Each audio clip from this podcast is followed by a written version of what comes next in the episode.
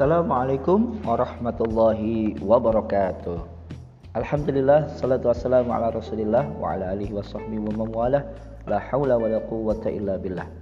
Subhanaka la ilma lana illa innaka antal alimul hakim. Anak-anak Ustaz yang Ustaz cintai dan Ustaz banggakan Semoga semuanya dalam keadaan sehat Dan tetap dalam lindungan Allah subhanahu wa ta'ala Anak-anak Ustaz kelas 7A dan kelas 7B yang Ustaz cintai dan Ustaz banggakan setelah kita belajar mengenai perumusan Undang-Undang Dasar Negara Republik Indonesia tahun 1945, kita akan masuk pada mengenai pengesahannya. Setelah dirumuskan disahkan ya, yaitu pengesahan Undang-Undang Dasar kita ya.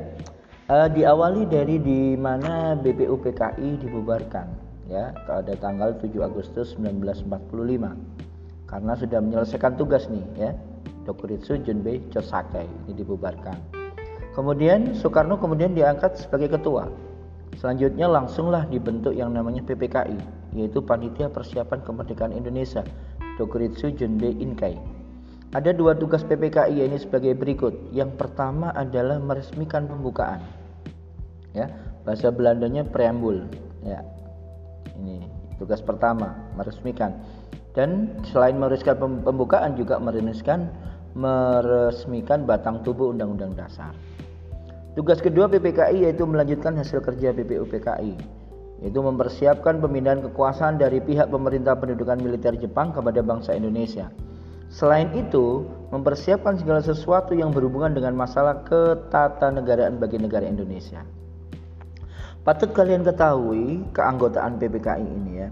Jadi jumlah anggota PPKI kita ini beranggotakan 21 orang yang dipilih oleh Marsekal Trauci ya, Marsekal Jepang nih 21, 21 orang ini terbagi 12 orang dari Jawa, kemudian tiga orang dari Sumatera, dua orang dari Sulawesi, satu orang dari Kalimantan, dan satu orang dari Nusa Tenggara, satu orang dari Maluku, dan satu orang dari golongan Tionghoa.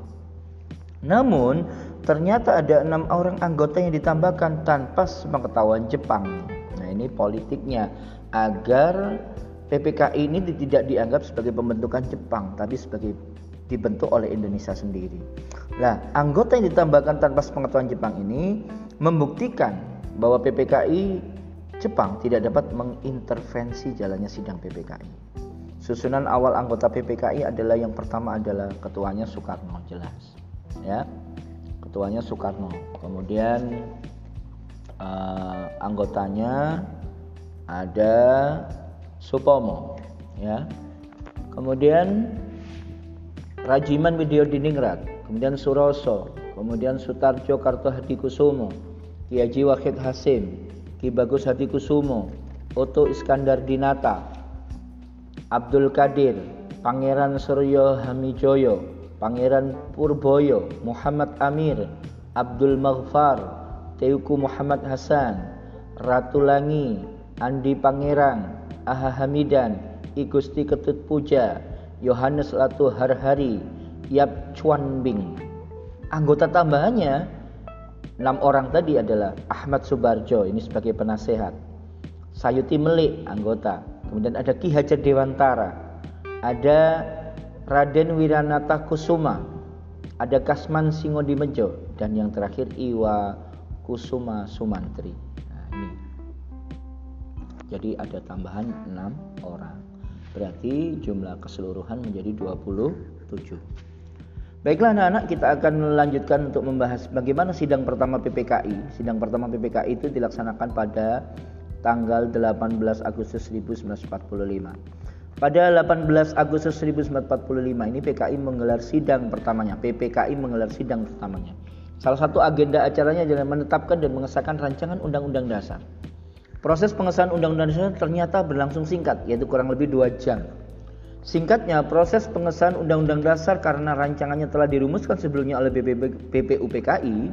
Selain itu, faktor semangat persatuan dan kesatuan untuk segera membentuk Undang-Undang Dasar membuat sidang tersebut berjalan dengan lancar. Kemudian, Secara lengkap, sidang pertama PPKI menghasilkan keputusan sebagai berikut. Yang pertama adalah menetapkan dan mengesahkan Undang-Undang Dasar 1945. Kemudian memilih dan mengangkat Soekarno sebagai presiden dan Muhammad Hatta sebagai wakil presiden Republik Indonesia. Dan yang ketiga membentuk Komite Nasional Indonesia Pusat atau disingkat KNIP, KNIP yang berfungsi membantu presiden dan wakil presiden sebelum lembaga-lembaga negara yang diharapkan Undang-Undang Dasar 1945 terbentuk secara resmi. Undang-Undang Dasar 1945 berbeda dari rancangan awal. Ada beberapa perbedaan di antaranya. Yang pertama adalah mengganti istilah hukum dasar menjadi undang-undang dasar. Kemudian kata mukaddimah yang terdapat dalam piagam Jakarta diganti dengan kata pembukaan. Yang ketiga, mengubah kalimat dalam suatu hukum dasar menjadi dalam suatu undang-undang dasar. Keempat, dalam piagam Jakarta alinea keempat terdapat rumusan Pancasila pertama yang berbunyi ketuhanan dengan kewajiban menjalankan syariat Islam bagi pemeluk-pemeluknya. Kalimat tersebut diusulkan untuk dihilangkan dan diganti dengan ketuhanan yang Maha Esa. Yang kelima, pada alinea keempat yang tercantum sila kedua Pancasila yang berbunyi menurut kemanusiaan yang adil dan beradab diganti menjadi kemanusiaan yang adil dan beradab. Ya. Jadi yang pertama ada kalimat menurut kemanusiaan, kemudian diganti menjadi hanya kemanusiaan yang adil dan beradab. Jadi menurutnya dicoret. Yang keenam, usulan perubahan yang terdapat dalam rencana Undang-Undang Dasar sebagai berikut. Ini di dalam rencana Undang-Undang Dasar yaitu pasal 6 ayat 1 di mana presiden ialah orang Indonesia asli yang beragama Islam diubah menjadi presiden ialah orang Indonesia asli jadi yang beragama Islam dicoret karena ya kita ketahui bahwa penduduk Indonesia warga negara Indonesia tidak hanya umat Islam saja jadi ini demi persatuan dan kesatuan Kemudian di pasal 29 ayat 1, negara berdasar atas ketuhanan dengan kewajiban menjalankan syariat Islam bagi pemeluk-pemeluknya diubah menjadi negara berdasar atas ketuhanan yang maha esa. Oke? Selain itu, Undang-Undang Dasar 1945 yang ditetapkan dalam sidang pertama PPK ini melalui dua tahap. Yang pertama adalah pengesahan pembukaan Undang-Undang Dasar yang terdiri atas empat alinea. Yang kedua pengesahan batang tubuh yaitu pasal-pasal Undang-Undang Dasar ya yang terdiri dari 16 bab, 37 pasal, 4 pasal aturan peralihan dan 2 ayat aturan tambahan.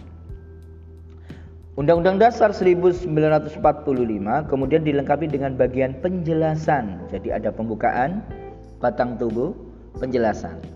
Bagian penjelasan tersebut dilampirkan dalam Berita Republik Indonesia tahun kedua nomor 7 tanggal 15 Februari 1946. Jadi secara lengkap Undang-Undang Dasar 1445 terdiri dari pembukaan, batang tubuh dan penjelasan.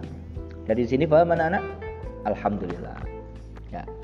Kemudian kita akan membahas sedikit uh, mengenai pembukaan. Pembukaan Undang-Undang Dasar dan Batang Tubuh.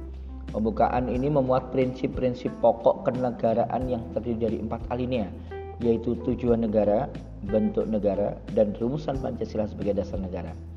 Dan sedangkan di batang tubuh tadi sudah dijelaskan di awal terdiri dari 16 bab, 37 pasal, 4 pasal aturan peralihan dan 2 ayat aturan tambahan.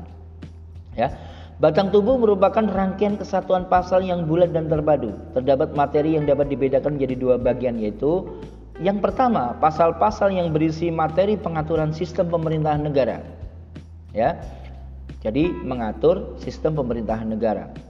Kemudian pasal yang kedua yaitu pasal-pasal yang berisi materi hubungan antara negara dan warga negara serta penduduknya. Selain itu berisi konsepsi negara di berbagai bidang seperti ekonomi, pertahanan keamanan, dan politik sosial budaya. Materi tersebut terdapat pada pasal 26 sampai 34. Kalau materi yang mengenai pengaturan sistem pemerintahan negara itu pasal 1 sampai 25.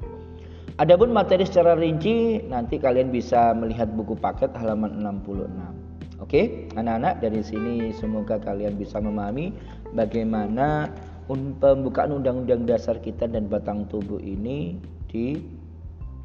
disahkan ya, diresmikan. Kemudian mengenai penjelasan anak-anak. Penjelasan resmi Undang-Undang Dasar 1945 disusun oleh Supomo penjelasannya. Ya, Penjelasan tersebut ada setelah Undang-Undang Dasar 1945 diumumkan dalam naskah resmi yang dimuat dalam Berita Republik Indonesia nomor 7 tahun kedua yang diterbitkan pada 15 Februari 1946. Dengan demikian, penjelasan tersebut merupakan aturan tambahan dari Undang-Undang Dasar 1945.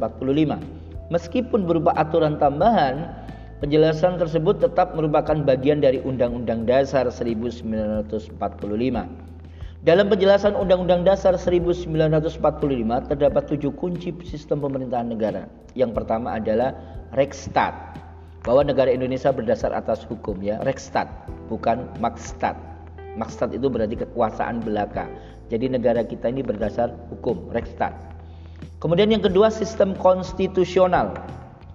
Pemerintah berdasarkan atas sistem konstitusi atau hukum dasar. Jadi, pemerintah ini berdasarkan atas sistem konstitusi atau hukum dasar yang tidak bersifat mutlak, absolut, ya, atau tidak terbatas kekuasaan. Jadi, kalau ada konstitusi ini berarti membatasi kekuasaan negara, pemerintah, ya. Kemudian yang ketiga, kekuasaan negara yang tertinggi berada di tangan Majelis Permusyawaratan Rakyat. Yang keempat, penyelenggara pemerintahan negara tertinggi oleh presiden di bawah Majelis Permusyawaratan Rakyat.